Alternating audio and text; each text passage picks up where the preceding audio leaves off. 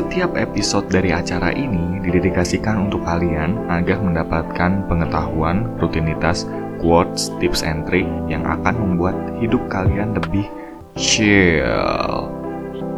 Chill adalah suatu keadaan sangat santai yang terjadi ketika seseorang fokus ke hal-hal yang bisa dikendalikannya. Whoops. Halo? Hello, boys and girls, ladies and gentlemen. Welcome back to Chill Boy Show with me, the one and only, Ambranas Widira Putra, bersama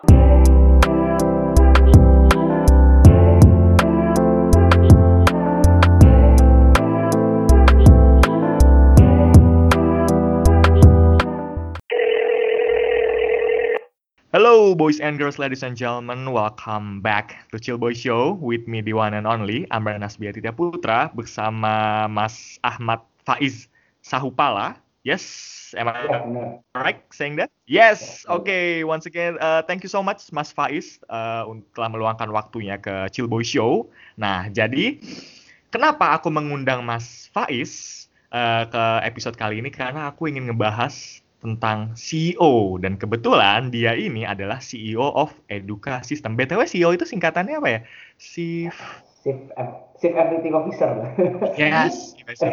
Sebenarnya enggak, kalau asli mah Chief Executive Officer gitu. Iya, Yes. biasa kita bisa bilang itu juga Chief Everything Officer ya, apalagi kalau startup awal-awal ya. Yes, yes, yes. And dan menurutku kenapa itu menjadi uh, bahasan yang menarik karena uh, di zaman ini, di zaman now itu kebanyakan anak muda seperti kita, ini asumsiku ya, correct me if I'm wrong juga nggak masalah, itu kebanyakan pengen jadi seorang entrepreneur atau seorang CEO dan CEO biasanya erat kaitannya sama uh, sebuah uh, tech company, oke atau startup. Makanya ada buku yang keren tuh yang lagi ngehits banget pas itu The Lean Startup by Eric Ries yang buat nggak tahu kan nanti aku linkin taruh di show notes dan beliau juga Mas Faiz ini adalah eh, jurusan oh, sorry menganut menganut eh, mengambil jurusan teknik informatika di ITB nah jadi kelihatan ya ada ada backgroundnya di apa namanya di eh, di dunia tech. Oke nah eh, for the apa ya for the starting question I want to ask you this eh, ini sih Mas. Eh apa yang ah, gini eh miskons apa apa ya hmm, miskonsepsi apa ya banyak sorry gini deh biar gampang yang tadi aku bilang misalkan eh, ada orang kebanyakan memandang eh, tech company itu sama dengan startup but in my opinion itu adalah hal yang berbeda gitu loh Eh, what do you think about it is it true or apakah aku yang salah Ya, be- benar benar benar. Eh, makin di sini tuh orang mikir startup tuh segalanya harus tentang digital gitu ya. Yep. Eh, ya aku juga awal tahu startup mungkin eh, pas tahu kenal startup ya kin- mengiranya juga seperti itu ya kayak oh kayaknya nih karena dulu zaman-zaman startup besar itu kan ketika tahun sekitar 2015 sampai 2016 ya eh, di mana ada Bukalapak, Tokopedia dan Go- Gojek yang mulai besar di sana. Dan- karena ya bayangannya memang jadi kayak digital com- company gitu. Tapi pada setelah aku coba belajar belajar belajar lagi sebenarnya eh, ya memang itu salah sih menurut aku. Eh, startup itu sebenarnya ya inilah eh, ide yang kita rintis ya, usaha rintisan gitu. Sebenarnya even warung abnormal gitu ya. itu also startup gitu. Kayak Yes. di awal ya dulu ya. Yeah. So startup itu adalah fase awal kali ya sebelum dia menjadi decacorn atau unicorn gitu maybe. Ya bisa bilang gitu sih, kayak eh, usaha rintisan awal gitu. dibilang. Yes. Nah, Iya. ya sebenarnya semua hal yang kita ketika kita build bisnis gitu ya bisa dibilang ya itu startup gitu. Yap. Ya, ya, ya, exactly ya sih. Karena pas itu kebanyakan, misalkan ya aku sekarang di dunia kerja, terus dibilang aku adalah salah satu perusahaan yang berbasis teknologi, dibilang startup sama temanku. Karena kayak, enggak, itu salah gitu loh. Walaupun kita berbasis digital, bukan berarti kita startup gitu kan. Ya mungkin, mungkin karena karena drakor yang lagi ngetren startup itu ya. Lu, lu Iya. nonton gak sih? Lu nonton gak sih? Gue nonton, eh, untuk Oh. itu gue nonton. Jadi Oke. mungkin gue cerita sedikit dulu ya. Oke. Jadi eh, di kantor gue itu, eh, ya sebelumnya gue tuh jarang nonton drakor gitu ya. Nah, hanya sa- satu dua doang gitu yang benar menarik doang. Dan ya di kantor gue biasa, eh, ya kita ada satu ruangan gitu ya, ruangan untuk nobar biasanya nonton bareng-bareng dan tiba-tiba hari ada suatu hari eh, sa- salah satu karyawan gue ini nyetel startup gitu. Wih, gue ikut aja tertarik, tertarik nonton ya jadi akhirnya tiap minggu kita nobar lah di kantor ya karena ep- episode keluarnya weekly ya. Berarti Iya, lu bener. tim tim 6 dosan atau tim siapa lagi satu lagi dua lupa lagi. Ya. Iya, siapa lu? Lu tim mana nih? Lu tim mana? gue sebenarnya lebih ke Injay sih Oh, why? Okay, why? Why? People not gonna like you, boy. why? Karena gue gue rasa Injay itu dia eh, orang yang sangat realistis Ya. Maksudnya untuk Iya. menghadapi dunia bisnis gitu ya kayak gue rasa dia realistis banget sih. Eh, jujur gue kurang suka, bukan kurang suka ya, gue kurang setuju dengan startupnya Nanggosan deh. Serem nggak startup seperti itu sebenarnya. Oh, why? Why? Why? Why do you think about that? Ada percintaannya di sana. itu bahaya loh. Yes, yes, yes, yes. Hubungan dalam suatu perusahaan itu memang berbahaya ya sebenarnya. Ya. Maksud gue kita, gue ngebuat bareng temen aja nih ya. Hmm? gue ngebawa bangun ini bareng teman gitu teman-teman dekat gue gitu. dan itu pun juga kadang ada saat di mana sangat sulit untuk mem- memisahkan antara profesionalisme Yap. dengan kehidupan kita eh, sendiri-sendiri gitu ya Yes. pas gue nonton Sarah tuh kayak wih sulit nih sebenarnya kalau jadi gini nih Iya, Ideal Karena banget. dia berani- Eh, mungkin kalau lu, lu nonton juga kan Eh, gue masih denger-denger sih, belum nonton, belum nonton. Oh, Cuma kita salah satu scene, ya, salah satu scene di mana eh, mereka ini berantem gitu kan. Hmm. Efeknya juga ke pekerjaannya gitu kan. Iya. Juga eh, gua rasa pasti ada lah, ada eh, ada eh, orang-orang yang bisa berhasil menghadapi itu. Cuman untuk gua, gua rasa itu sulit banget sih. Ya, iya.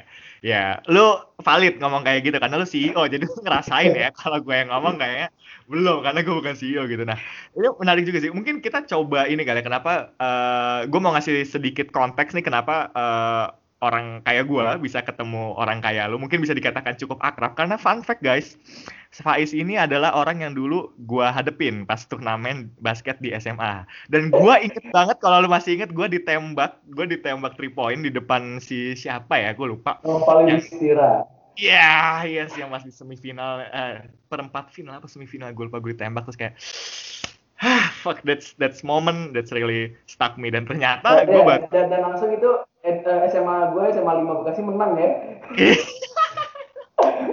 just one time ya, just one time, remember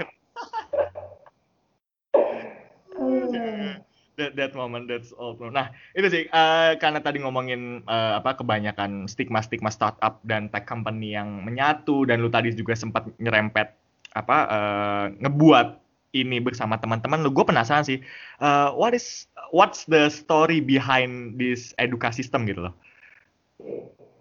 Jadi sebenarnya edukasi sistem itu kita dulu awal-awal ngebuat pas lagi mahasiswa. Jadi ini sebenarnya ide-ide mahasiswa sebenarnya gitu. Oke. Kita mulai ini dari lomba malah awalnya. Kita betul ikut ber, gue ber eh, awalnya founder gue ada empat orang gitu ya.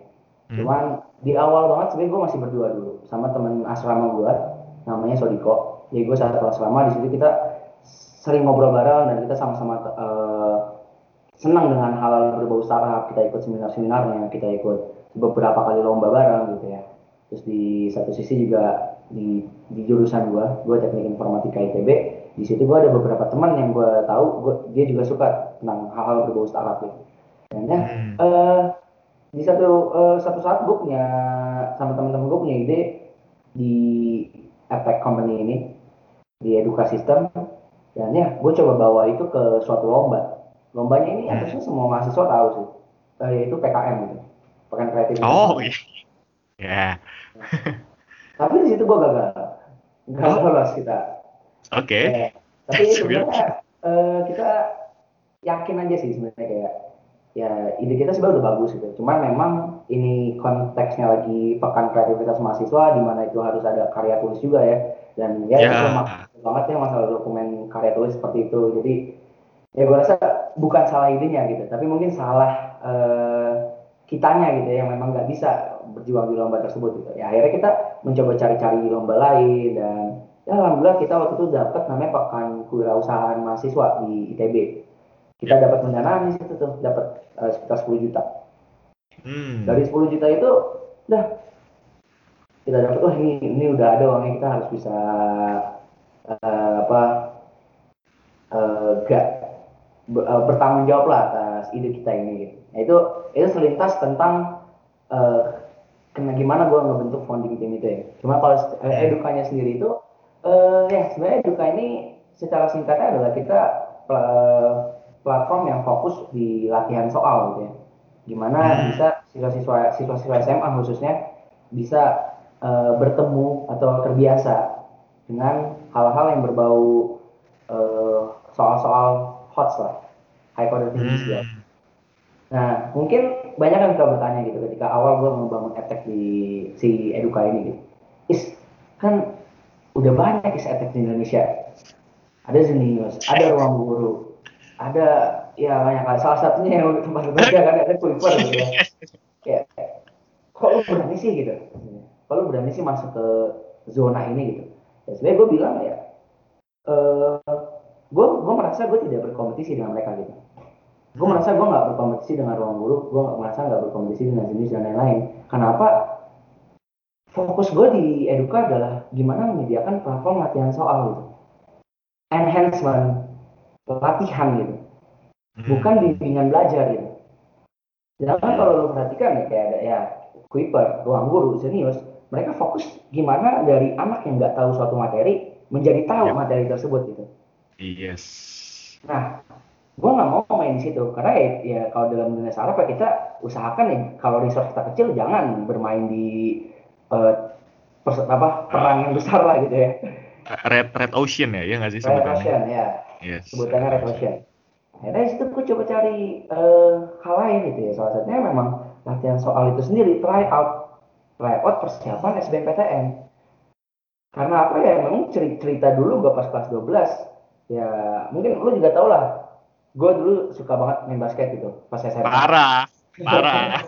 kelas 10 11 sampai bener-bener gue nggak ya gue nggak belajar sama sekali selama 2 tahun di SMA gitu gimana kelas 12 baru gue sadar gitu ya. Karena memang gue punya motivasi waktu itu untuk masuk ITB gitu ya oh gue harus gue, harus masuk ITB gitu.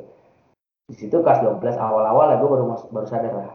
Pertama kali itu ya gue ikut try out di bimbel gue waktu itu ada. Jadi bimbelnya ngadain try out dan gue dapet nilai yang 16% kan dari 100 gitu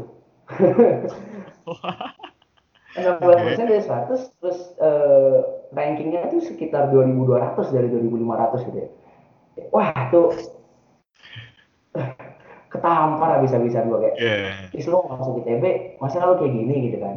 Hmm. Ya, dan ya akhirnya di situlah salah satu motivasi gue juga kayak, oh ternyata eh, banyak loh orang yang harus ditampar dulu gitu. Dikasih tahu bahwa eh lu, lu tuh gak bagus gitu, lu tuh belum belum bisa gitu, lu tuh belum lu tuh harus dia, lu tuh harus belajar lagi gitu. Karena dulu gue Hmm. ngerasa, oh SM, gue gue gue SMA di SMA 5 Bekasi salah satu SMA favorit gitu di Yes. Bekasi gitu kan.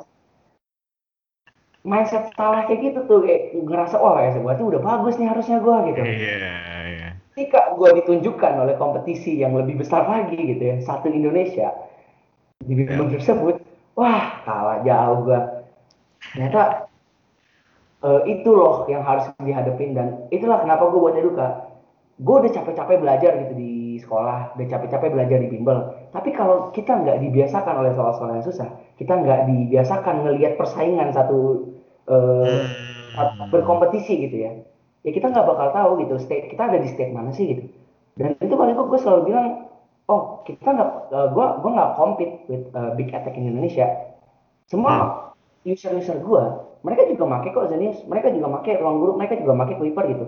Ya mereka Hmm. tetap belajar make di situ tapi mereka datang ke gue mereka tetap make eduka ya untuk apa? Untuk mengetahui kompetisi gitu kayak oh gue bisa berkompetisi dari kok gue tahu gue sekarang posisi gue di sini gitu. Jadi itu sih. Hmm, wow, ya ya. That's that's a really common point sih ketika gue dengar teman-teman gue yang misalkan buat bisnis atau buat startup kayak lu atau buat mungkin uh, Instagram page yang berbasis mungkin konseling online apa segala macam tuh mereka pasti selalu coming up dengan masalah yang mereka rasakan gitu loh. Contoh konteksnya Hmm. kalau di lu tadi kan, lu kayak uh, 16%, dua ranking 2200, ketampar, wah gue harus latihan nih, gue harus latihan nih. BTW, eh, jika karena kalian main basket bukan berarti kalian goblok ya, tapi kalau kalian memang mau masuk ITB, memang kalian harus mengorbankan basket, oke?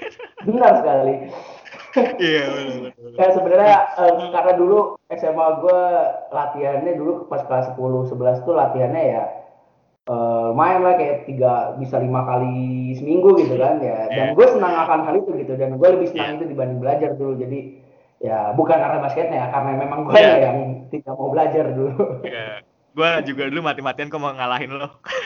Latihannya. Ya.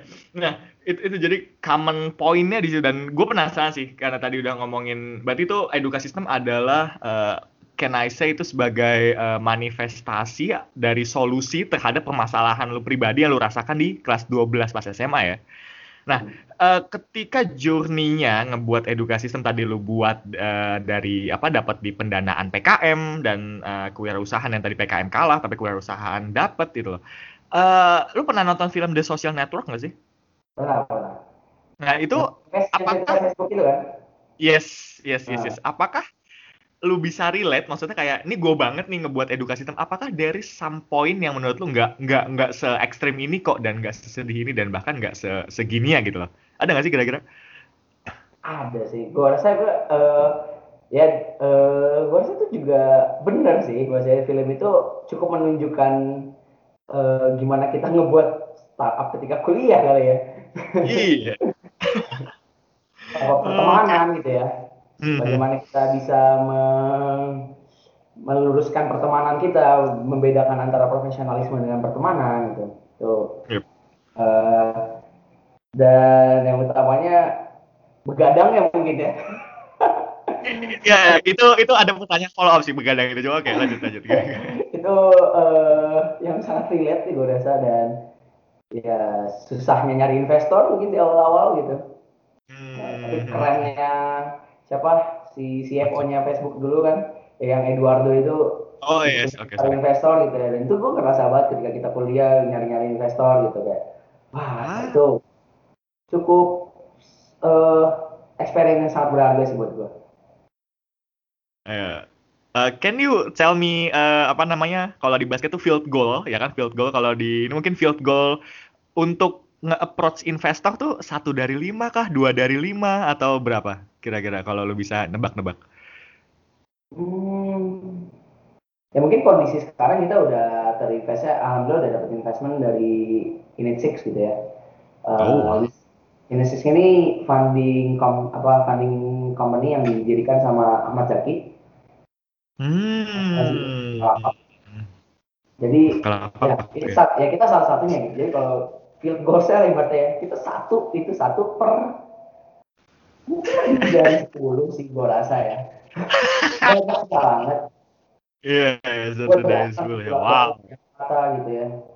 iya wow ya iya Menca menjual ide ya Iya, gue ngerasain ketemu sama orang di Pacific Place. Pacific Place oke oke Gue gak pernah main di sana gitu ya, ibaratnya ya. Kita mahasiswa gitu, main biasanya cuma ya mahasiswa banget ya Gue di sana bingung mau beli apa gitu. Infus water berapa puluh ribu loh ini. sedih sampai Buat buat kan itu yang yang pada akhirnya juga nggak jadi gitu. Iya, iya, iya. Ya, itu itu sih emang sih susah sih ya. Gue gue juga ngelihat ngelihat teman gue beberapa yang nyari modal, susahnya dicari modalnya itu sih. Ketika kayak ide kita tuh sangat cemerlang, tapi mungkin lebih ke apa ya? su- Kesulitannya lebih di menjualnya dalam tanda kutip dan mengkonkretkan ide itu menjadi step by step gitu ya. Lu bilang kalau misalkan uh, field goal lu itu satu per 10 ya. Lebih 10%. sudah belasan lah. lebih oke oke oke Nah, jadi kayak eh, bersusah-susah dahulu bersenang-senang kemudian lah ya Iya. Nah, apakah lu ada suatu gem atau suatu eh, pelajaran yang bisa dibagikan ke para pendengar terkait menjual idea tuh yang bener tuh gimana sih yang yang menarik gitu bagi para investor Oke. gitu Pertama yang harus kita ketahui adalah lo harus tahu karakteristik investor yang pengen lo ajak ngobrol itu gimana gitu. Ada investor yang senang denger problemnya dulu gitu. Ya. Oh, gue senang nih dengerin masalahnya yang pengen diangkat apa, solutionnya apa gitu. Ada startup yang nggak, ada investor yang nggak peduli dengan itu gitu. Yang penting uh, how you make money gitu kan ada investor yang kayak gitu gitu ada investor yang uh, dia fokus ke sustainability-nya. Apakah gue bakal bakar duit atau enggak ke depannya? Dan lain-lain. Ada ada investor yang nggak suka uh, konsep bakar uang gitu ya. Ada investor yang yeah. senang konsep bakar uang. Ya yang tapi yang satu yang pasti uh, semua investor pasti uh, bakal memperhatikan gimana lu bisa ngasih uh, ngasilin uang dari ide lo gitu. Itu yang pasti. Dan gimana hmm. uh, ide tersebut uh, apa strategi tersebut bisa sustain gitu nah, mungkin kalau tadi kita sambungin ke film startup gitu ya nah itu persona si Han Ji Pyong itu tuh itu gua rasa emang benar memang benar adanya sekeras itu gitu mm -hmm. uh, uh, perinvestoran tuh gitu ya gitu, mm -hmm. gitu. Lu, lu gak, lu pasti di dicecer-cecer terus gitu dan ya kita sebisa mungkin bisa menjawab itu gitu. dan terus um, pelajaran yang gua dapetin selain itu uh, ini sih ketika kalau lu mau jual idea lu harus tahu betul latar belakang lu masalahnya gimana dan uniqueness uh, uniqueness yang lu punya gitu entah hmm. tim mungkin dari orangnya gitu ya kayak contoh mungkin uh, ya foundernya CEO-nya pernah kuliah di Harvard Business School misalnya gitu itu itu poin yang bagus loh maksud gue itu hmm. uh, itu bisa menjadi banyak yang kayak mungkin ya. Tidak ya mereka hanya belum tahu uh, bentuk teknisnya bakal seperti apa bisnis yang dibuat tapi karena dia punya background Harvard Business School dia mau nginvest di sana gitu. Karena dulu gue susah di situ sebenarnya. Hmm. belum lulus dari TB gitu ya. Apa yang harus gue tonjolin tuh ya ya apalagi kalau bukan ide dan juga hmm. mimpi-mimpi gue yang bisa ngasih tahu bahwa oh ini bakal ini bakal bisa uh, di tahun segini kita bakal bisa make money gitu ya. ini akan besar nah itulah gimana kita bisa sell sell idea kita dan dipercaya oleh mereka gitu. Hmm. Ya, yeah, that's really ini sih selling idea dan tadi ada uh, poin yang menarik menurut gue adalah uh, background kita gitu loh karena yang misalkan ya kita nggak nggak bisa bohong lah ya misalkan kita ketika gue misalkan oh uh, gue nawarin lu misalkan lu uh, ditawarin ke podcast gue lu lulusan mana lulusan undip tapi kalau misalkan gue bilang oh gue lulusan Harvard Business School wah anjir aceh lah kan kayak gitu ya jadi sebuah sebuah mungkin sebuah gelar karena terkadang gelar itu menunjukkan apa ya menunjukkan uh, kompetensi atau pengalaman yang dimiliki sama orang tersebut ya. itu ya. Nah, ya, walaupun sebenarnya itu, konsep ini eh? kurang baik gitu ya, gue rasa memang kurang baik kita judge, ibarat judge book by cover kan kalau gitu. Yes, okay. yes, yes, yes. Realita kehidupan itu pahit ya. Dunia bergerak pahit, seperti bro. itu gitu ya. uh, uh, ya eh, gue selalu digituin maksudnya kayak gue nanya uh, ya gue lulusan uh, even gue lulusan ITB pun gitu ya ya mohon maaf kok maksud gue ya bisa dibilang ITB salah satu top uni di, di Indonesia gitu ya itu juga kalau kita di investor lo masih belum tentu dilihat gitu yes maybe ya maybe Ada apalagi gue yang bukan top di Indonesia. ya, tapi itu satu faktor, itu satu, satu kembali faktor. lagi itu satu yes. faktor. Banyak faktor yes. lain yang bisa uh, ngebangun lagi gitu. Yes, yes, yes, yes, yes, yes.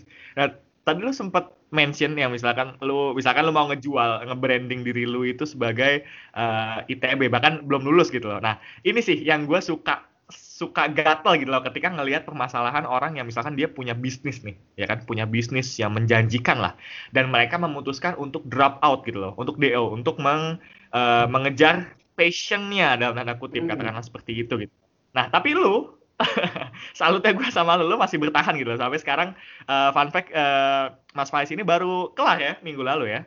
Iya. Yeah. Iya. Yeah. Jadi kayak lu lu tuh bisa bisa nge nge, nge sustain nge sustain uh, kesibukan lu di bisnis lu di edukasi sistem ini dengan uh, apa namanya dengan kesibukan di akademik gitu loh, yang harus kewajiban akademik yang harus dituntaskan. Uh, what's your uh, perspective on that gitu loh? Ketika lo ada bisnis yang profitable, tapi lo di satu sisi punya kewajiban untuk menyelesaikan uh, apa namanya uh, kewajiban di dunia akademik. Kalau ini ITB gitu. Jadi kalau masalah orang-orang yang drop out terus uh, buat bisnis sudah out, gue nggak gue nggak mempermasalahkan hal itu sejujurnya. Cuman uh, kalau gue sendiri kenapa gue tetap melanjutkan? Pertama, eh, itu menjadi apa ya gue pengen tetap keluar. Itu uh, motivasi gue juga dari orang tua utamanya ya. Kayak ya orang tua gue juga tetap mau gue uh, lulus gitu ya. Dan ya gue rasa itu uh, tetap jadi uh, gue harus punya pegangan lah gitu. Manajemen resiko juga gitu. Ya uh. saya amit-amit eduka uh, gagal dan lain-lain gitu. gue tetap punya. Background gitu. Gue tetap punya gelar dan gue punya uh, banyak gue bisa ada strategi-strategi lain gitu ya untuk gue tetap hidup bertahan bertahan hidup gitu. Uh, jadi ya gue rasa ya nggak ada salahnya juga sih gue tetap nyelesain. Toh juga uh, ketika eduka mulai sibuk itu ketika gue sisa tugas akhir doang gitu kayak udah nggak ada kuliah ah, lagi gitu. iya iya iya iya iya So ya itu mungkin suatu clue yang menarik juga ya buat para pendengar misalkan mau nge-build suatu bisnis atau startup itu mungkin coba build di tahun akhir ya karena udah gak ada kelas gitu.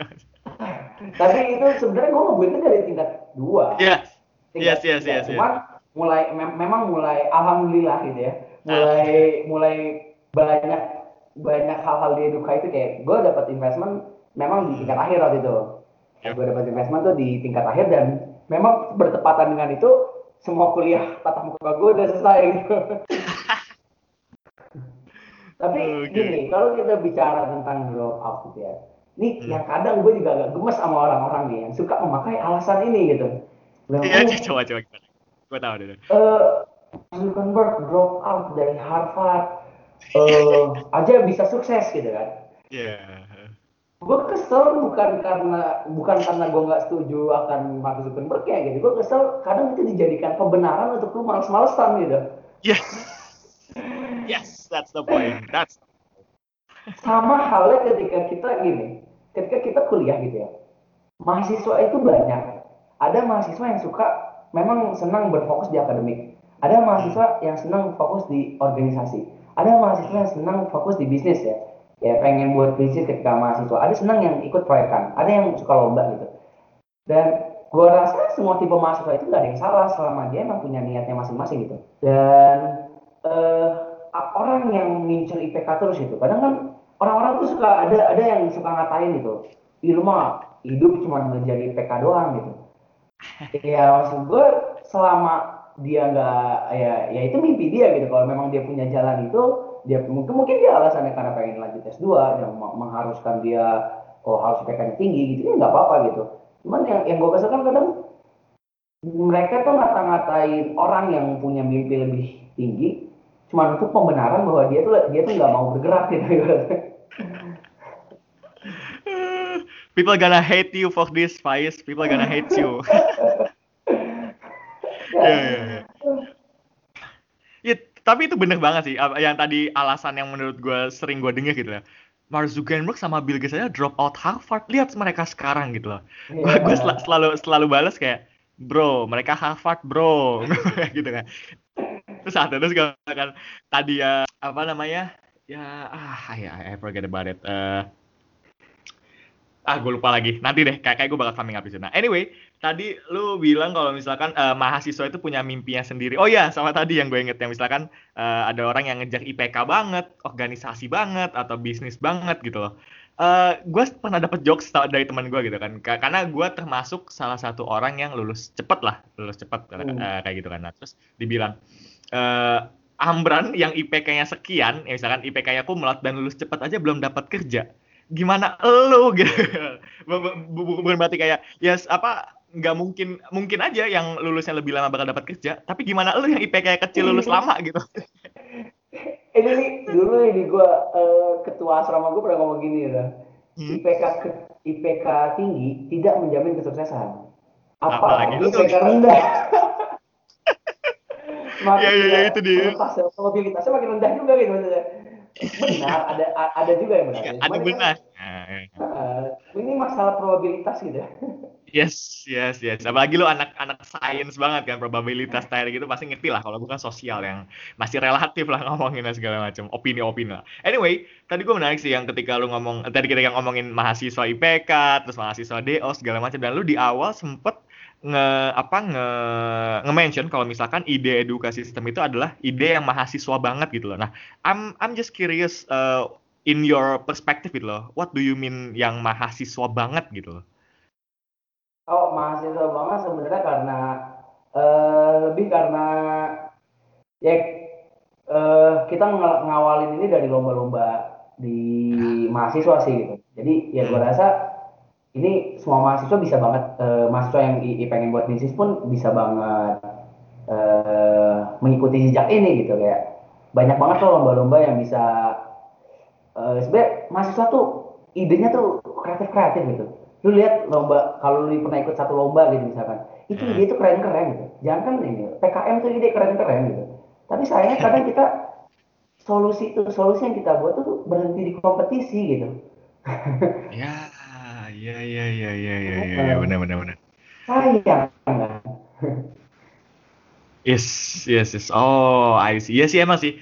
Gue juga baru realize juga PKM PKM tuh judul, judul maksudnya PKM PKM diterima itu terkadang judul judulnya itu clickbait loh. Maksudnya clickbait itu kayak singkatannya tuh bagus gitu loh dan kayak oh wow ternyata kayak gini gitu loh. ada mungkin ada beberapa judul yang agak saru agak bokep gitu tapi ternyata oh maksudnya ini gitu jadi kayak uh. clickbaitnya marketingnya tuh main banget gitu loh nah uh, ngomongin mahasiswa yang segala macam karena gini kenapa gue nanyain ini ke Luis karena jujur gue ngelihat di mungkin karena gue nggak berkecimpung di yang startup gitu kali ya justru gue lebih ke organisasi yang bem atau segala macam gitu. Gue ngelihat nih konsep mahasiswa itu erat kaitannya dengan demonstrasi gitu apalagi tahun ini kan kemarin demonya banyak ya beberapa hmm. kali gitu loh. Dan menurut gue selama kita jadi jadi kesannya kesannya menurut gue ya asumsi gue aja sih. Mahasiswa itu nggak selalu harus demo gitu loh. Ketika nggak ada masalah ya nggak usah demo gitu loh. Tapi somehow karena mahasiswa erat kaitannya dengan demonstrasi jadi kayak kita harus demo. Nggak ada masalah cari masalah gitu loh. Padahal sebenarnya nggak ada masalah gitu. It, itu sih yang yang gue juga uh, masih struggle banget. Kenapa ya mahasiswa konsepnya gitu dan apalagi yang ini gue juga mau tanya sebagai follow up question gue mahasiswa itu erat kaitannya dengan sleep are for the week gitu. gue soalnya kenapa ini menjadi suatu pertanyaan yang selalu gue tanyakan di bintang tamu gue ini karena mungkin uh, lu tahu mungkin enggak mungkin beberapa pendengar juga sering uh, ngedengar ngemen apa ngedengar ini adalah gue ketemu gue nonton salah satu TED Talk itu tentang sleep gitu kan dan dia bilang kalau misalkan di usia kita ini ya rata-rata itu minimal setidaknya tidur kita itu uh, 7 sampai 9 jam gitu loh. Nah, kan biasanya kalau ketika ngomong 7 sampai 9 jam orang-orang teknik biasa ya apalagi lu mungkin kayak nggak bisa, nggak bisa. Gue tuh nggak mungkin 7 jam, 3 jam aja udah syukur mungkin gitu loh. Nah, gue mau, mau tanya aja sih, apa uh, rata-rata jam tidur lu nih selama jadi CEO dan jadi uh, apa namanya mahasiswa gitu loh? Berapa sih? Gue penasaran aja. lima sih kayaknya. Iya, lima. Tiga, lima sih, lima kurang lah. Hmm. It, it, it's yeah. still fine for you? Uh, udah terbiasa sih kalau sekarang ya jadinya. jadi kayak udah, oh ya udah gitu, jadi udah siklus aja gitu. Cuman malah sebenarnya ini gue ngerasa lebih mending sekarang dibanding dulu pas gue kuliah gitu. Oh ya? ya. Uh, nah gue tau gue tahu sih sebenarnya ini memang hal yang buruk sih ya. Uh, cuma entah kenapa pas kuliah gitu ya. Uh, gue ngerasa memang banyak banget tekanan gitu ya. Entah itu dari hmm. tugas uh, dan juga lingkungan ya. Yep. Lingkungan pertemanan gue maksudnya yang memang pada tetap on gitu di atas jam 12 sehingga ya mau jadi ya mau nggak mau gue juga ikutan gitu on gitu ya kayak wah yeah. iya. ngerjain kerja wah tugas belum selesai masih pada ngerjain nih oh gue juga harus ngerjain gitu kan kayak yeah. link apa udah kena juga gitu ya mungkin lu anak psikologi tahu yeah. lah gitu ya kayak tentang yeah, yeah, gitu ya yeah. mempengaruhi yeah. dan jujur makin ke sini gitu ya ketika gue mati uh, udah jadi CEO uh, Eduka gue rasa lebih bagus dibanding pola tidur gue dibanding kuliah dulu well that's funny ya oke okay, that's that's karena kalau misalkan kita apa ya pikir secara ya pikir aja gitu loh mungkin uh, asumsi gue ya CEO itu justru stresnya lebih berat gak sih daripada mahasiswa ya gak sih? Uh, hmm, kalau stres, ya gue bisa bilang ya benar. Uh, yeah, yeah. Karena kita dihadapkan ke banyak pilihan yang menyangkut uh, ketika kita salah gitu ya, salah memutuskan, impact-nya itu banyak gitu. Bisa ke orang, ada orang yang iya. bekerja yeah. di kita, ada orang, ada yep. user yang uh, ber, bergantung pada kita gitu. Sedangkan ketika memang ketika kita masih jadi mahasiswa, ya ya kita salah ya paling-paling nilai jelek doang gitu ya. Ya, itu juga sakit ya, sebenarnya tapi. Ya, itu sakit sih. Cuman ya kalau misalnya gue membandingkan dengan sekarang gitu ya, memang stres yeah. stresornya jauh lebih tinggi gitu. Ya, wah, yeah. ini gue salah ngambil keputusan dikit ya, pasti efeknya banyak gitu. Dan itulah eh, yes. kenapa fungsi-fungsi si life atau fungsi shift itu tuh eh, tinggi, ya salah satu di situ gitu. Ada si si, si finance officer, si si uh, executive officer dan si si lainnya ya mereka tuh besar di tanggung jawab gitu kayak setiap keputusan yes. yang diambil gak bakal ada orang pasti ada yang nggak senang gitu iya, iya, iya. ya ya ya agree agree nah ngomongin CEO lagi uh, tadi kita sempat mention juga sih yang masalah uh, di film startup ya. Buat yang dengar nggak tahu startup drakor drakor itu itu drama Korea. Dan kalau kalian nggak tahu itu apa aku nggak ngerti lagi kalian hidup di zaman apa tapi nanti akan aku taruh linknya di show notes.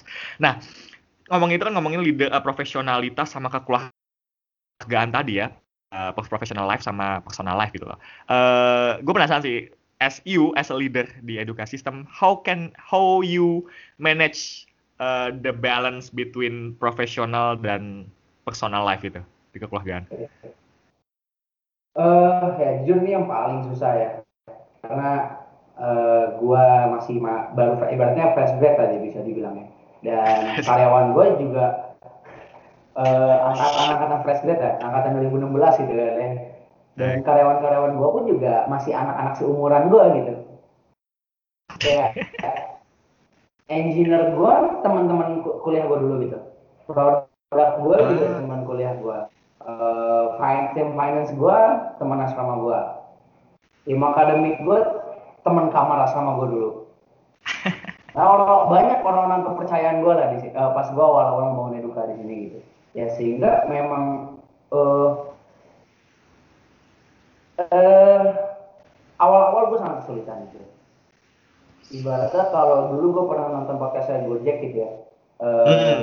Presiden Gojek gue pernah ngomong kayak kita tuh pasti akan susah untuk nge, gimana nge, uh, kita harus fokus gitu mau ngebuat company kita tuh sebagai sports team atau ya beberapa eh, satu lagi perbandingannya adalah family team kalau nggak salah ya eh, hmm. keluarga gitu. Jadi kita mau berdasarkan keluarga atau kita sebagai uh, organisasi olahraga gitu gimana ya kalau misalkan dia nggak bagus ya pemainnya diganti gitu kan gitu. Yeah, yeah. nah itu emang ngebalance ngebalance itu susah dan dulu strategi gue adalah uh, gue ngomong gue ngomong kalau misalkan ya udah apa pun yang kita pertengkarkan di sini jangan sampai kita ya ibaratnya apa yang terjadi di meja ya tetaplah di meja ini gitu. Okay. What's in here stays here.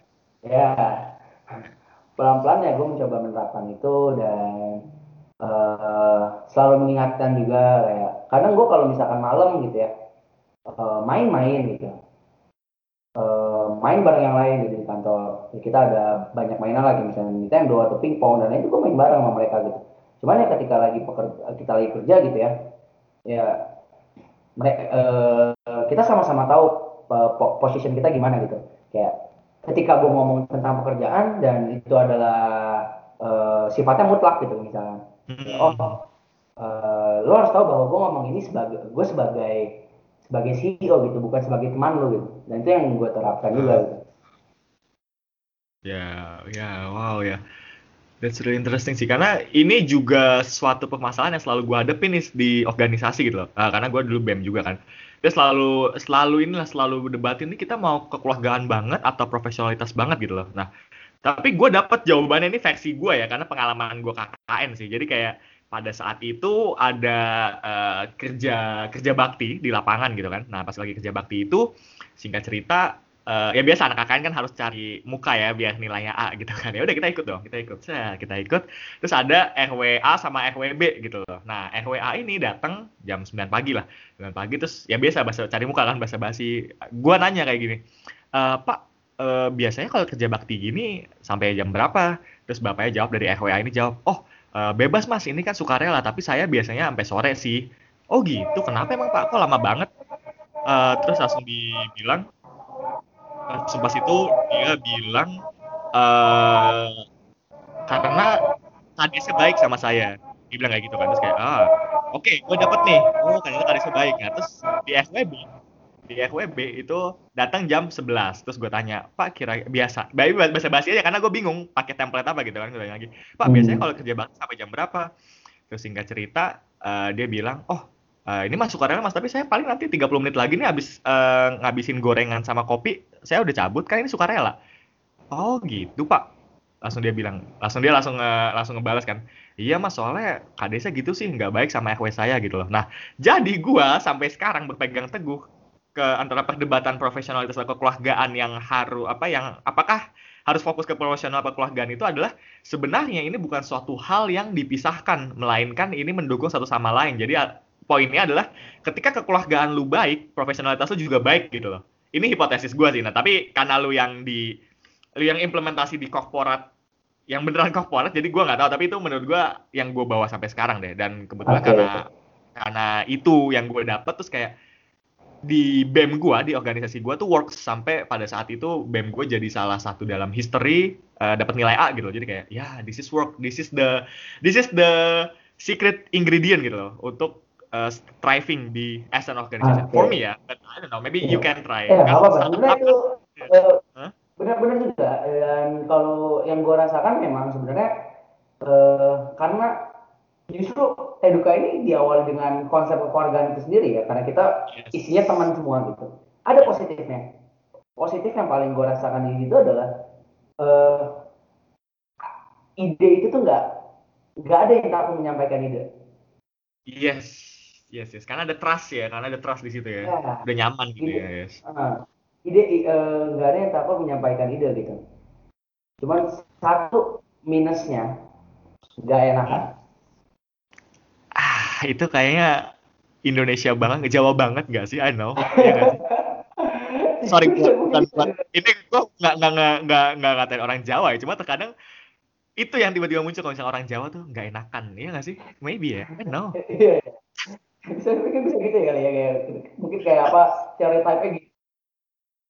yes maybe sih ya maybe ya I'm really sorry buat orang Jawa itu gua nggak rasis ya atau gimana ya cuma ya that's what I get gitu oke Halo, halo, eh, halo, oke halo halo halo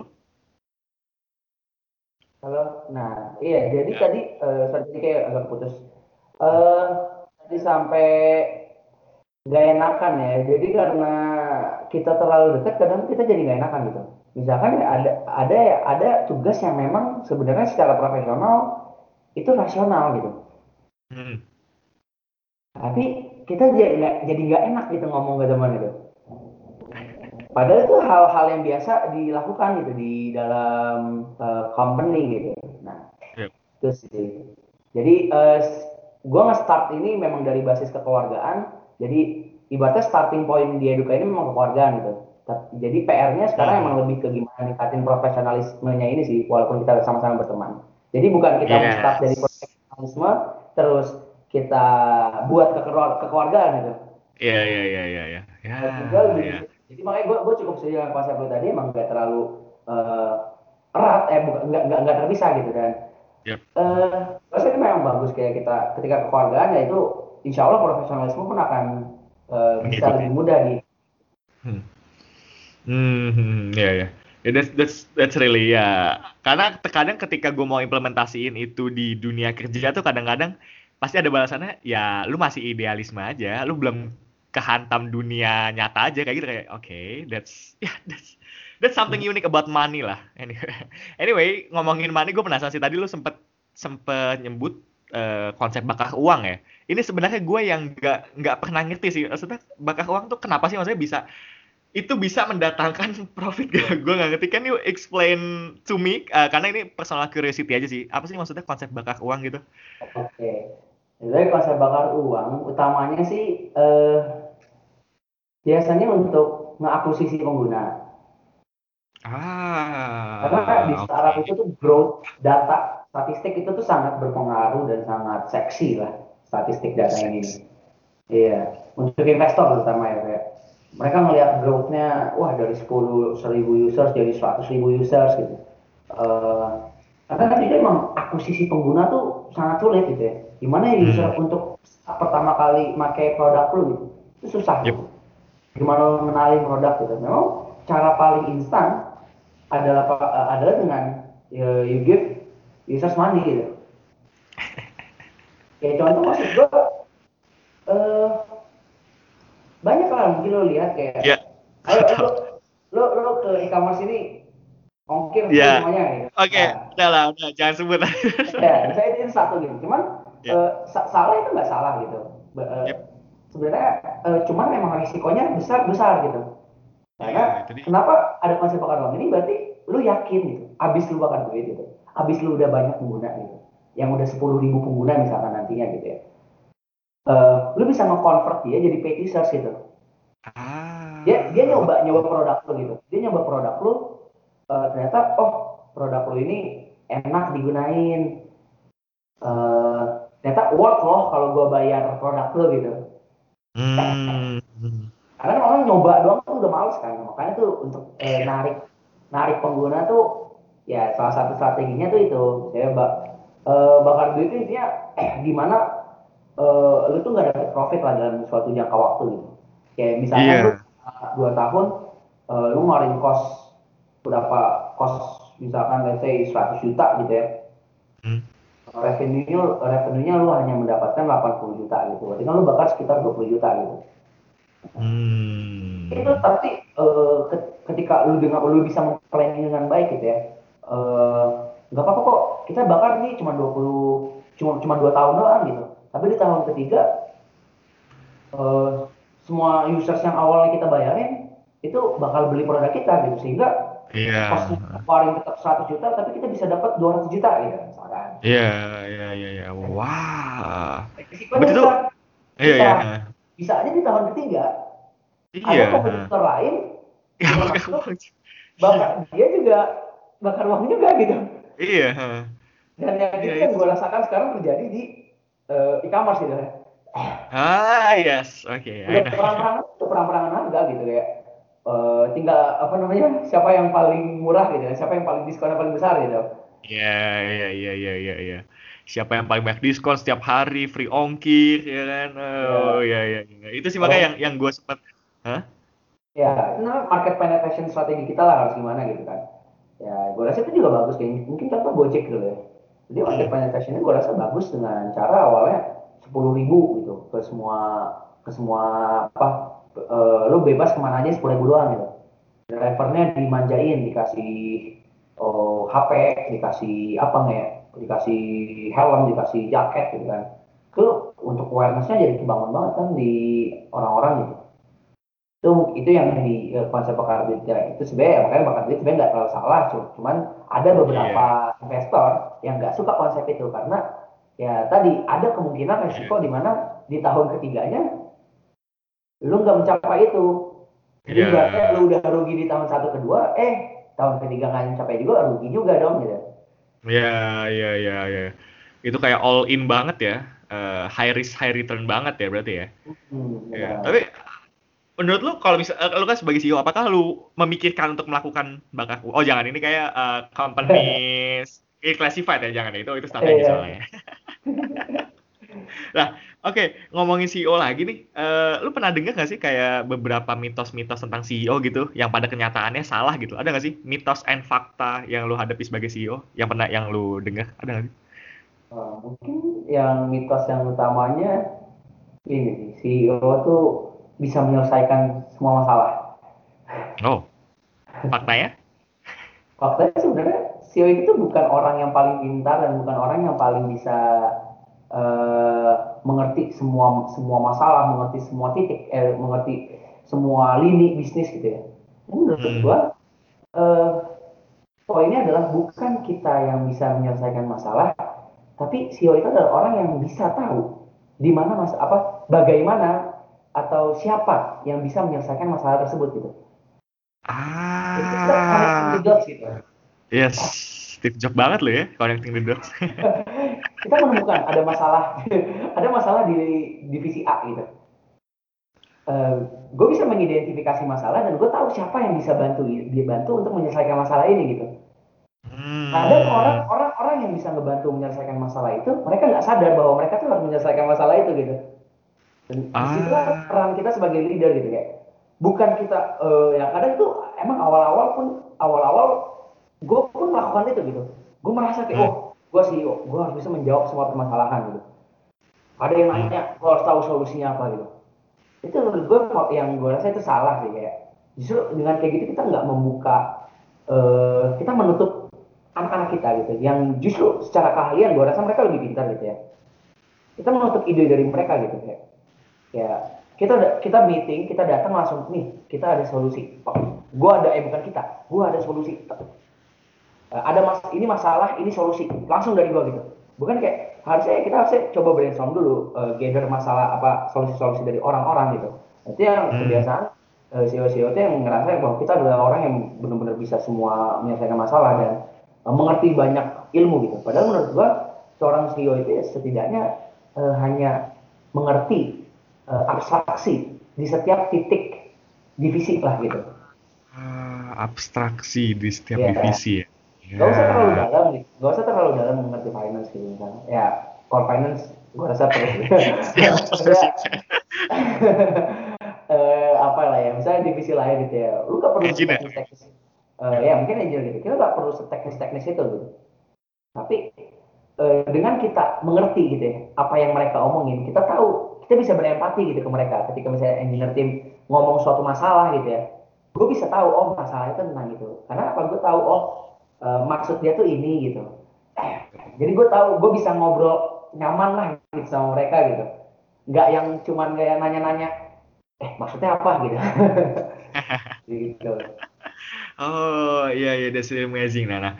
Dari jawaban lu gue jadi penasaran sih apakah lu ada sebuah apa filosofi dalam menjadi seorang leader gitu ada nggak sih? Hmm, filosofi ya? Uh. Uh, mungkin yang selalu gue pegang itu dari dulu dari SMA ya. Mungkin kalau kita kan dulu suka disuruh nulis kata-kata apa namanya eh uh, kata mutiara gitu ya yang selalu motivasi gitu yang kita pegang ya. Kalau gue sih lebih ke ya jadikanlah yang lalu itu sebagai pembelajaran bukan penyesalan uh, karena kadang kita terlalu uh, kita melakukan kesalahan di masa lalu kadang kita ber, berputar-putar di menyalahkan diri kita sendiri sehingga uh, kita nggak pernah memaafkan diri kita sendiri gitu ketika kita melakukan kesalahan. Padahal itu hmm. inti inti ketika kita mau bangkit dari kesalahan gitu kan. Gue dulu dari awal bangun eduka sering banget gagal gitu. Karena kesalahan gue sendiri gitu ya. Gue salah mengambil keputusan. Itu hal yang sangat sering gue lakukan gitu ya. Dan gue nggak memungkiri itu dan uh, pernah eduka error servernya seharian sehingga banyak data yang uh, bercaci apa ibaratnya ya data yang hilang gitu. Dan ya eh, gue stres banget saat itu. Tapi ternyata setelah gue sadarin ya gue gak bakal bisa mikir kalau gue belum maafin diri gue sendiri gitu. Hal-hal oh. yang pertama kan adalah gue maafin diri gue sendiri gitu. Iya gue salah gitu. Karena itu susah loh kayak uh, yeah. maafin diri sendiri gitu Yep, yep, yep, yep, yep, yep, yep. Sehingga ketika wow. kita udah maafin, kita jadi membuat itu menjadi sebuah pelajaran untuk ke depannya gitu. Bukan kita nyesel kayak aduh ini coba dulu gini ya iya damn. Damn that's jam bro. That's jam. Anak teknik lo ngomong kayak gini memaafkan diri. You're legit bro. You're legit. Oke. Okay. yeah that, that's really great great great point sih memaafkan diri dulu baru bisa mikir ya yeah, ya yeah, ya yeah. I, I never thought about it tapi ya wow that's mind blowing anyway kalau tadi ngomongin uh, eh, CEO dan segala macam dan uh, jam tidur tadi terutama ya, gue penasaran sih karena gue adalah orang yang percaya kalau misalkan in order to achieve something, you have to sacrifice something. So the question is, what's your sacrifice to achieve this kind of thing right now? Oke, okay. uh, sacrifice terutama opportunity cost. Uh, gue bisa aja jadi engineer dengan eh maksudnya gue kuliah di teknik informatika gitu ya. Gue belajar jadi engineer, gue belajar jadi programmer. Di mana dulu awal-awal memang gue punya mimpi pengen kerja di Google gitu. Oh. Malah gue dulu sempet eh, ikut seleksi internship di Google gitu ya. Dan alhamdulillah dari angkatan gue itu cuma eh, Google Singapura gitu. Angkatan gue cuma dua dari angkatan gue yang eh, bisa ikut eh, seleksi tahap kedua itu masih masih tahap kedua Hmm. waktu itu ya. Baru tahap kedua pak, ada tujuh tahap gitu ya. Dan eh alhamdulillah gitu kayak gue udah nyampe ke sana kayak gue seneng banget tuh dulu ngoding-ngoding eh, terutama Android gue dulu basicnya Android developer gitu.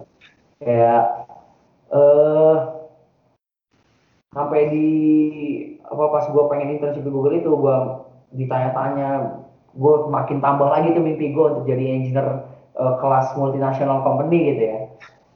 Terus eh, ada satu titik di mana eh gue tuh mikir kayak kalau misalkan gue fokus di eduka sebagai CEO gitu SEO gue bakal eh, gue nggak bakal bisa jadi engineer multinational company gitu Ya. gue nggak bakal bisa apa hmm, apa ya ibaratnya engineer multi- engineer dengan gaji yang gede gitu ibaratnya Gede nih. Ya, seksi banget sih ya engineer sekarang ya. Sa- sa- kalau kondisi saat ini memang eh, engineer lagi seksi banget gitu ya kayak Yes, Eh, yes, yes, agree, agree. gue nargetin itu banget dulu gitu lu bayangin maksudnya bisa berapa tiga sampai tiga digit lah gitu misalnya kalau Yap. gue bisa kerja di Google. Nah itu opportunity cost yang gue rasa eh, gue hilangkan gitu. Yang gue sac- Yes. sacrifice gitu. Karena gue pengen dalam hati kecil gue gue pengen bangun startup gitu dan eh, opportunity cost itu sih. Yang gue rasa even gue even eduka nanti amit-amit eh, kelar gitu ya gue nggak bakal bisa eh, balik eh, mungkin bisa cuma maksudnya akan lebih susah gue balik lagi ke step itu gitu itu sih. Hmm, opportunity cost ya. Ya, ya. Berarti lu ngikutin suara kecil dalam diri lu ya? Buat Iya, ngebuka edukasi benar. sistem. Ya, ya, that's really unique sih. Keluarga gue pun ya, kakak gue pun juga dulu agak eh, awalnya menentang gue untuk ngebuat startup gitu, ngebuat bisnis. Iya. Ya, gue dimasukin ke ITB gitu.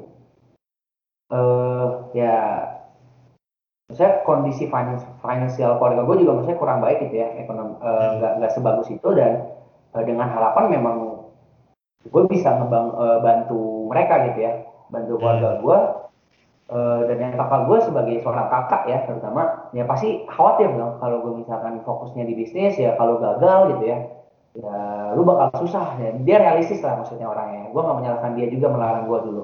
Kayak dia realistis kayak lu kalau misalkan lu bisnis lu gagal gitu ya lu mau gimana lu lu lu bakal lebih susah lagi gitu untuk membantu keluarga lu gitu kan ibaratnya di mana keluarga gue yang butuh bantuan butuh bantuan gue gitu dan eh, lu lu mau gitu ngambil ngambil eh, Risk, resiko, resiko itu ya. gitu kan itu dilema terbesar gue juga gitu maksud gue Ya, ya, ya, kalau ya. gue gue tetap melanjutkan gue menjadi karyawan pada umumnya gitu ya ya gue pasti aman gitu aman Yes, hidup gue gitu. yes.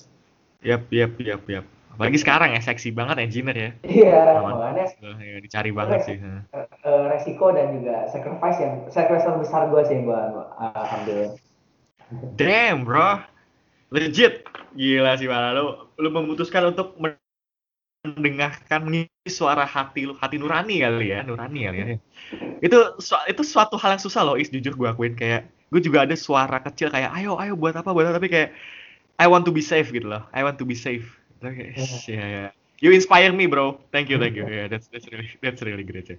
Nah, oke tadi ngomongin lu juga sempat eh, apa be, ke punya mimpi untuk menjadi engineer di Google atau segala macam dan lu sekarang posisinya CEO nih coba I want to ask you misalkan ya lu seba- eh bukan misalkan lu kan emang CEO nih nah terus ada orang nih yang mau apply bukan berarti gue mau apply ya mau apply ke edukasi sistem gitu loh what do you think the basic skill that uh, we need gitu loh untuk bekerja di uh, lingkungan industri yang sekarang gitu loh apa aja basic skill yang menurut lo Eh, gua rasa basic skill yang utama adalah mau belajar hal baru sih. Karena Hmm. ketika kita masuk ke dunia lingkungan pekerjaan ya, eh, itu bakal berbeda banget dengan ha- apa teknis-teknis yang pernah kita pelajari di kuliah. Sehingga kita harus benar-benar mampu beradaptasi gitu. Adaptif lah. Eh, adaptif akan keadaan dan juga eh, eh, problem solving skills itu yang utama sih problem Hmm. solving skills dan juga adaptif gue rasa itu dua poin yang penting basic skills yang harus kita punya gitu ya, tadi adaptif untuk eh, ki- era era sekarang gitu ya yang makin berubahnya eh, Disruptive, cepat gitu ya yes. kita harus adaptif dan kedua problem solving skills ya kita menyelesaikan masalah udah nggak bisa sesimpel dulu gitu ya sekarang masalah Ya. semakin kompleks gitu kalau kita nggak punya problem so- solving skills yang bagus kita bakal keteteran gitu Hmm, iya ya. Nah itu sih ya- yang gue gue juga sering dengar sih adaptif dan problem solving skill gitu. Tapi menurut lu apa cara yang bisa di cara konkret ya maksudnya yang bisa eh, ngelatih kita untuk meningkatin problem solving skill kita gitu? Apakah dengan bermain games, main catur mungkin atau apa? Lu ada nggak kira-kira dari lu pribadi aja? Oke, ya sejujurnya itu salah satu visi eduka. Oke oke. Ya, we want every students uh, acquire complex problem solving skills. Ah oke. Ya karena eh ini gue jadi ya masih ada waktu kan ya nggak apa-apa ya.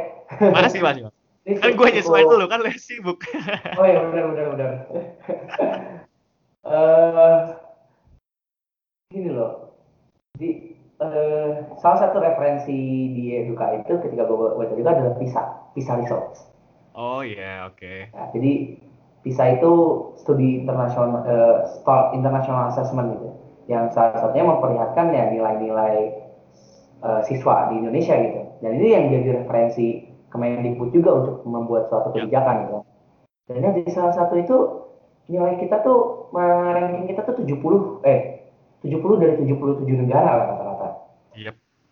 Itu jauh banget kan. Jadi eh, padahal era digital ini sangat sangat require kok problem solving skill gitu untuk ya kayak lu lihat banyak banget yang berubah gitu sekarang. Eh, banyak bentuk-bentuk role pekerjaan baru gitu. Yang mana memang eh, pekerja bentuk-bentuk pekerjaan yang repetitif cenderung mulai ditinggalkan gitu.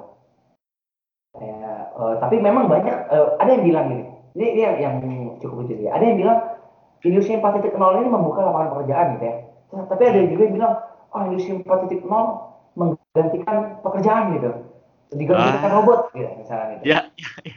Iya iya. gue pernah ditanya ini gitu bener gak sih industri 4.0 itu menggantikan robot Eh, secara konteks gue rasa benar dan tidak benar gitu ya karena Hmm. benarnya itu adalah memang eh, hal-hal yang sifatnya rep- pekerjaan yang repetitif gitu ya cenderung akan eh, ada kemungkinan-kemungkinan memang akan tergantikan gitu ya ya yang sifatnya kasar eh, repetitif yang berulang-ulang gitu ya. Yep. itu pasti pasti akan ada titik di mana eh, itu akan tertutup gitu. Dan tapi bakal makin banyak lagi loh lapangan pekerjaan nanti gitu.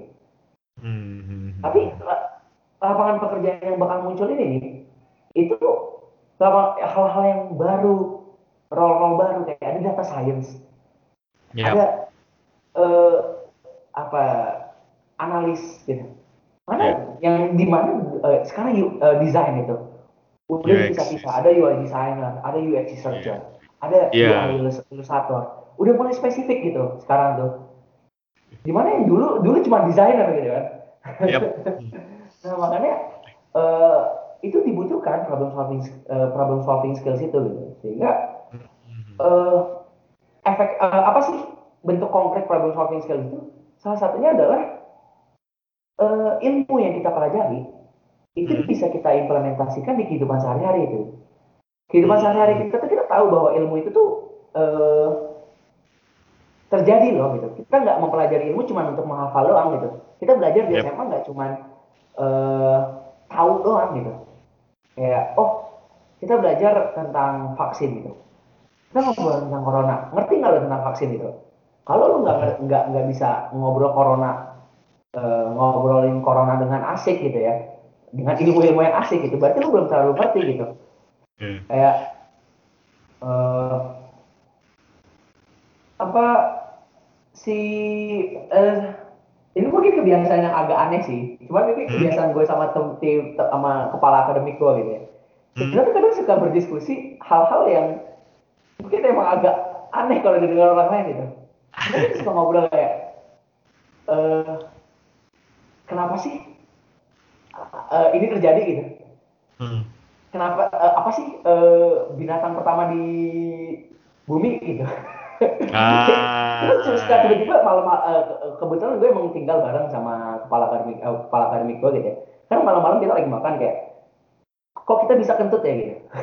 Hmm, kayak Iya iya iya kan kayak, tapi ketika kita bisa jawab gitu ya kita kita, kita diskusi dengan eh, ilmu di sana itu berarti menandakan bahwa oh kita tuh udah mengerti gitu bahwa kita udah mencapai di tahap eh, skill kita tuh udah di udah di di luar kepala gitu. Itu itu udah tahap di mana itu gue rasa udah problem solving skills di mana kita udah bisa meng- mengimplementasi ilmu-ilmu yang kita punya di kehidupan sehari-hari. Ah, yes yes yes yes, agree agree. Itu edukasi sendiri kita bervi, eh, visinya adalah salah satunya gimana soal kita ini bisa eh, membuat pengguna ini bisa terbiasa dengan kehidupan sehari-hari? Soal-soal itu tuh semuanya relate dengan kehidupan sehari-hari itu. Apa yang lagi viral sekarang? Kayak misalnya contoh eh, dulu Deddy Kobisor versus Tul- eh, Tulus Cinta Luna gitu kan? Ya, kita bahas ya, di situ. Kita bahas. Oh, wow. Oke, oke. kenapa gitu? Itu itu dulu di pelajaran sosiologi gitu ya. Ya oh Iya. aspek sosiologi yang terjadi saat itu gitu itu mereka jadi kayak akan sadar gitu oh ternyata ilmu yang gue pakai gini loh di kehidupan sehari-hari gitu Iya, iya iya itu iya. yang kurang itu yang membuat eh, siswa-siswa sekarang tuh kaku gitu mereka Yes. bisa kerja, ngerja, ngerjain dikasih eh, soal dari guru ngerjain eh tapi nggak giliran dikasih soal SBMPTN yang di mana SBMPTN itu hot basic yang hot. Membutuhkan problem solving skills. Nggak cuma lu bisa menghafal materi doang, tapi lu harus mengerti materi tersebut bagaimana. Itu sih. Hmm. Ini langkah konkretnya Iya iya. iya. Kita coba mulai implementasi lah eh, ilmu-ilmu Yes. di dari dari pelatihan soal-soal dari eduka itu yang di relate itu ya. BTW eh, disclaimer aja, ini nggak ada eh, apa ya kerjasama promosi antara eduka dengan saya ya. Ini cuma tiba-tiba keluar aja ya, oke? Aku nggak ada niat promosiin siapa-siapa tapi ya that's what happened gitu. Nah, itu jadi menarik juga sih. Itu juga relate dari salah satu konsep di psikologi yang gue tertarik banget dari dulu sih. Is. Itu eh, disebut eh, wisdom, kebijaksanaan gitu loh, kearifan. Jadi jadi jadi kayak eh gue pernah dengar atau baca salah satu quotes itu yang bilang kalau eh, gini awalnya ketertarikan gue muncul dari quotes ini Eh, orang yang pintar itu bisa menjawab semua pertanyaan tapi orang yang bijak itu hanya menjawab beberapa pertanyaan. Terus kayak wow. Gue gue langsung oke. Jadi kayak gitu terus gue mikir lagi. Lu pernah nonton film ini gak sih? Eh Bradley Cooper tuh. Eh, Limitless. Pernah denger gak yang makan pil. Belum. nonton? Belum ya, oke. Jadi, jadi intinya ada perbedaan ketika orang pintar sama orang yang wise gitu loh, yang wisdomnya tinggi, yang wise lah katakanlah wise. Karena menurut gua pribadi, sepemahaman gua ya dari eksplorasi eksplorisasi gua di konsep ini adalah kalau orang banyak tahu itu pinter, tapi orang yang im- ngeimplementasiin apa yang dia tahu itu wise gitu loh. Jadi Hmm. terkadang orang yang pintar itu cuma tahu doang, tapi mereka nggak implementasiin gitu loh. Tapi orang yang wise, mereka tahu dan mereka implementasiin dan mereka mungkin ada beberapa pengetahuan yang salah. Makanya mereka berani untuk ngerevisi pengetahuan sebelumnya itu. Nah itu menurut gue konsep wisdom tuh kayak wow, that's really dope, that's really amazing for me. gitu. Dan ya bener kata lu tadi kita terlalu mungkin kebanyakan dari kita tuh kaku ya karena mungkin cuma disuruh menghafal gitu loh. Itu juga menarik aja sih. Tiba-tiba gue kepikiran mau sharing sama lu juga kenapa kita seperti ini gitu loh. Karena kurikulum kita, sepemahaman gue ya, itu adalah kurikulum yang diciptakan di tahun 1900-an ya kan. Di mana itu pekerjaan utama pada saat itu adalah untuk karya eh, buruh industri ya kan, buruh perusahaan gitu loh. Jadi ya kalau misalkan naruh ini ke sini, naruh sini ke sini, jadi kayak suatu hal yang eh, repetitif gitu loh. Nah, karena kita udah shifting, ya kan, dan di eh, menurut perkumpulan psikologi Amerika seingat gua itu mereka itu bahkan masih sulit untuk ngedefinisiin critical thinking gitu loh. Karena kan uh, analytical thinking, problem solving itu kan kayak erat kaitannya sama critical thinking ya. Ini yang Iya. yang sering disebutin sama Mas Nadim juga, Mas Menteri juga kan. Problem solving, critical thinking, tapi sebenarnya kenyataannya di literatur psikologi di tahun pada saat itu mereka tuh masih bingung ngedefinisiin critical thinking tuh kayak gimana gitu loh. Nah, terus untuk mungkin untuk mempermudah itu, oh ya udah kita nyariin konsep yang sama, nanti kita implementasiin aja langsung jadi kayak ngikutin gitu loh. Nah, ini makanya sekarang kita harus ngerombak tuh kurikulum karena kurikulum ini diciptakan dulu pada dasarnya tujuan awalnya itu adalah untuk membuat lulusan-lulusan ini tuh ya kerja yang repetitif gitu loh. Tapi sekarang kan Hmm. tadi yang lu bilang kita nggak nggak nggak bisa kayak gitu kayak gitu lagi karena udah udah shifting banget disruption banget ya. That's a random thing sih. That's a random things that I want to share. Oke. Nah, sekarang kita coba ke hal yang lebih konkret aja kali ya, yang biar lebih chill aja ngomongnya. Gue penasaran sih karena gue orangnya sangat productivity junkie ya. Kayak misalkan gue kalau nonton di YouTube tuh productivity hack terus bukunya self improvement apa segala macam gitu. Lu kan sebagai CEO nih ya pasti banyak banget lah uh, job desk eh nggak job desk sih tesnya tugas-tugasnya gitu. Loh uh, apa sih aplikasi-aplikasi yang lu gunakan untuk ngehack dalam tanda kutip ngehack produktivitas lu? Ah, oke. nah, konkret kan Ya, pertama Google Calendar ya, itu pasti. Oke. agree agree Kedua, gua ada pakai Trello biasanya. ah Trello. Jadi itu task manajemen gitu lah ya, kayak gue biasanya naro tas-tas kayak tugas-tugas untuk hari. Biasanya ya gue konsepnya gini sih kayak setiap hari Senin pagi gue ngelis objektif apa yang pengen gue capai di minggu ini gitu di Trello itu. Terus gue pecah-pecah lagi jadi tugas-tugas kecil gitu. Iya. Tugas-tugas kecil kayak oh ini gue harus uh, menca- gue di dari objektif tersebut gue harus mencapai tugas-tugas ini di minggu ini gitu. Nah dari situ eh, setiap hari pak setiap pagi-pagi hari ya gue ngelis lagi hari ini gue bisa menyelesaikan tugas yang mana gitu dari ya, let's say tadi ada dua objektif turun jadi 10 tugas gitu. Oh hari ini gue ngambil dua tugas ini ah gitu. Ah oke oke oke Itu, itu itu lewat bantuan Trello gitu. Yap, Kalau yap, Google Calendar kan gue lebih ke penjadwalan lah kalau itu ya. Yes, Produktivitasnya. yes. Oke. Nah, udah sih sebenarnya itu aja kalau Oh, Trello. Yes, Trello dan Google Calendar ya productivity. Hmm. Ya, wow, you're so simple ya, minimalis banget ya, cuma dua doang. Ya. Banyak tuh sampai pakai Notion, sampai apalah apalah Evernote segala macam. Oh, tapi Trello dan Google Calendar ya lu ya yang Ya, membantu ya. itu jadi Trello untuk eh, task management, Yap. Google Calendar untuk time management. Time management, Nah, ya. Jadi itu dua hal yang beda gitu. Yes. Oke, nah, gue tertarik juga sih karena tadi lu bilang yang setiap Senin ya, setiap Senin lu ngelis semuanya, terus nanti di breakdown ke beberapa objektif gitu ya. Gue penasaran sih karena yang bisa disepakati oleh semua orang pun CEO pun dan tadi lu juga bilang stresnya pun juga lebih ketimbang mahasiswa. Dan ya kita karena gue ngundang beberapa orang ke sini tuh yang menurut gue mereka tuh bisa handle stress really well gitu loh. Stay stabil lah. Nah pertanyaannya apakah lu punya sebuah rutinitas harian atau daily habit bahasa kerennya untuk membuat lu tetap stabil menghadapi stres menjadi E CEO Eh, kalau harian, eh gue rasa nggak ada yang benar-benar tiap hari banget ya daily rutin itu. Cuman kebiasaan kali ya lebih di, ini Oke. sering gue lakukan kalau misalnya menghadapi stressful ya. eh kalau lagi pusing biasanya gue baca gitu ya. Eh, Hmm, wow. Atau nggak nonton podcast gitu ya. Oke. Kalau udah lagi apa lagi stuck gitu ya, ya coba aja baca-baca atau nonton podcast Seneng main catur. Ya mungkin itu bisa dibilang rutinitas ya, karena setiap hari gue pasti main catur. Oh, wow. Dari dulu gue suka main catur, jadi kayak setiap hari gue main catur. Eh, pagi-pagi biasanya gue sebelum pergi gue main catur dulu malah. oh wow that's unique oke Terus ya kalau yang ja- yang kebiasaan yang ja- jarang ya untuk real estate, eh kok kebiasaan yang jarang ya? Maksudnya kebiasaan yang eh, nggak rutin banget gitu ya, ya naik gunung sih. Itu benar-benar yang Ah. refresh gua banget gitu. Karena eh gue ngerasa ketika gue udah naik gunung, eh gak, gue nggak bisa ngapa-ngapain lagi gitu. Kalau ada masalah gitu. ya ya ya Gue ya, meninggalkan ya. semuanya di kota gitu. Iya, meninggalkan semuanya di bawah karena lu sedang di atas ya. Wah, wait, bro. That feeling. Ya, ya, ya. Terus ya balik Ada- ada lagi mungkin? Hmm? Udah sih itu sih. Udah itu ya. Oke main catur ya. Kebetulan kebetulan tuh kemarin gue ke trigger sih sama teman gue karena mereka kan gue pulang kemarin. Terus uh, lihat teman gue main catur kayak seru banget ya. Terus ada Netflix uh, Queen Gambit. Lu nonton gak sih Queen Gambit itu? Kayak tentang catur ya kan? Itu tentang catur tapi gue belum nonton sih.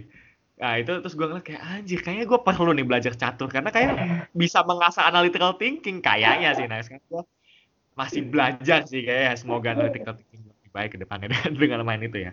Nah, oke okay, tadi rutinitas udah, uh, kebiasaan udah. Apakah lu ada ini sebagai sebagai personal benefit gue juga sih kalau ngundang ke ngundang beberapa bintang tamu ya. Apakah lu punya buku rekomendasi untuk dibaca atau buku yang life changing buat lu? Oke. Ada banyak sih. Uh, mungkin yang kota kita per, per sektor kali ya. Boleh, boleh, boleh. Tentang startup gitu misalnya ya. Gue paling suka tuh ada uh, Zero to One. Peter Thiel. Ya. Yeah. Yes. Oke. Okay. Keren banget ya. Yeah. Itu itu yang banyak membantu gue jujur. Uh, banyak hal-hal yang gue sadari di sana setelah baca itu uh, untuk membangun eduka organization terutama ya uh, itu untuk tentang saraf gitu. Kalau tentang pendidikan, gue suka ada sekolah rimba namanya. Sekolah apa? Sekolah S O K O L A. Sekolah. Sekolah. Sekolah. Sekolah. Sekolah rimba. Oke. Okay. Rimba Indonesia. Indonesia itu buatannya oh. Butet, Butet Manurung. Oke. Okay. Jadi dia salah satu aktivis pendidikan yang mengajar uh, ke rimba-rimba, ke hutan-hutan, mengajar. Uh, dan gue suka konsep yang dia bawa sih, dan itu sangat menyadarkan gue tentang konsep pendidikan bahwa uh, kadang tuh kita merasa orang pedalaman itu tertinggal gitu. Dan dia tuh dia tuh sangat memutar balik apa bener-bener uh, membuka mata gue bahwa orang-orang di pedalaman tuh ada kalanya jauh lebih pintar dibanding orang-orang di kota gitu ya. Hmm ya benar-benar kita nggak tahu apakah janjian kita uh, orang-orang berdalam tuh uh, kebutuhan mereka akan pendidikan itu banyak banget dari itu diceritain ya. gue sangat senang hmm. sih baca itu benar-benar membuka mata gue juga akan pendidikan di Indonesia gitu uh, ya itu tuh uh, terus mungkin untuk yang self self uh, self improvementnya sendiri ya uh, leadership Uh, eh, gue pernah baca yang gue suka itu uh, ini namanya macam leadership handbook itu sih. Kayak okay. itu baca uh, itu biografi dari aduh gue lupa namanya John C Maxwell. Oh yes yes yes yes yes I know I know, I know. yang ya handbook ya leadership handbook ya John ya, Maxwell lah M A X W L itu ya. Ya, jadi dia sebuah filsuf ya. Ya, ya gue cukup suka sih dengan cerita dia ya ya walaupun ada beberapa yang uh, gua nggak kurang setuju cuman uh, banyak mau sebelum gue setuju lah hmm, hmm, hmm, hmm. oke okay. tadi buku kalau sekarang film film yang life changing for you maybe film uh, eh, gue paling suka gue suka film tuh yang apa ya mungkin kalau kita ngomongin tentang self improvement Habibi sih. Habibi ya, Habibi ya. Wow. Karena Why? oh ya ini berhubungan sama buku sih sebenarnya karena okay. gue juga baca buku Habibi dia. Okay. Gue suka karena itu jadi pas gue nonton filmnya juga ya walau apa gue suka juga gitu pas nonton filmnya gitu. Hmm, I see, I see, I see. Oke, okay, Habibi. Film Habibi, Netflix? Uh, Netflix, ya, gue kayaknya nggak terlalu banyak sih kalau di Netflix ya jarang satu aja nggak kalau uh, apa Netflix ya uh, yang recommended gue rasa startup sih cukup sih startup, bisa, okay. bisa bisa menggambarkan lah lingkungan bisa menggambarkan hidup lu ya uh, iya Oke, berarti itu udah sekalian sama Drakor ya Netflix. Oke, okay, so jadi uh, buat para pendengar yang baru ngedengerin mungkin temannya Faiz atau mungkin uh, karyawan dari edukasi sistem ngedengerin kayak kok tadi dari tadi Amran ngedeng, uh, selalu bilang linknya aku taruh show notes ya. Nah itu kenapa? Karena nanti ketika kalian ngebuka deskripsi di episode ini nanti akan ada tulisan contoh misalkan tadi The Social Network film The Social Network. Nanti ketika kalian klik di descriptionnya itu kan nanti langsung di uh, tautkan ke IMDb. Jadi kali supaya kalian tahu oh ini The Social Network nanti kalian bisa uh, nonton ya. Tapi ini aku nggak nyediain link streamingnya ya. Aku cuma nyediain ini loh filmnya. Oke. Okay. So yeah, it's been a one hour, Mas Faiz. Wow, that's really great. That's really great uh, conversation, and I thought I will change a lot after the our conversation dan for the closing question, I have a closing question itu biasanya aku sebut dengan uh, billboard question. Jadi ya billboard, tahu kan ya papan iklan ya? ya. Aku nggak tahu di Bandung apakah ada papan iklan ada nggak sih? ada ada. ada. Okay. Ada papan iklan nih yang bisa biasanya papan iklan kan bisa dilihat sama banyak orang gitu ya, lihat sama banyak orang dan Mas Faiz kebetulan punya space di situ, punya space di billboard itu. Kira-kira apa yang Mas Faiz mau taruh di billboard itu? Ya iklan eduka Oke, okay, that's fine. Oke. Okay. ah ya ya, ini sih salahnya gue kalau ngewawancarain CEO suatu perusahaan ya, pasti dia promosi bisnisnya. Oke, okay, that's that's fine, that's fine, that's your space, and yeah, that's totally fine. Oke, okay, so once again, uh, thank you so much karena tadi udah closing closing question ya Mas Faiz. Thank you so much for your time. Semoga apa yang kita omongkan di sini itu bermanfaat bagi para pendengar dan mereka juga bukan cuma ngedengerin tapi juga ngeimplementasiin apa yang tadi kita diskusikan ya. So that's all everyone. I hope you love the show and see you in the next episode. Ciao, bye bye. Terima kasih telah mendengarkan episode ini. Jika kamu suka dengan apa yang kamu dengarkan, tolong pertimbangkan untuk memberikan 5 bintang.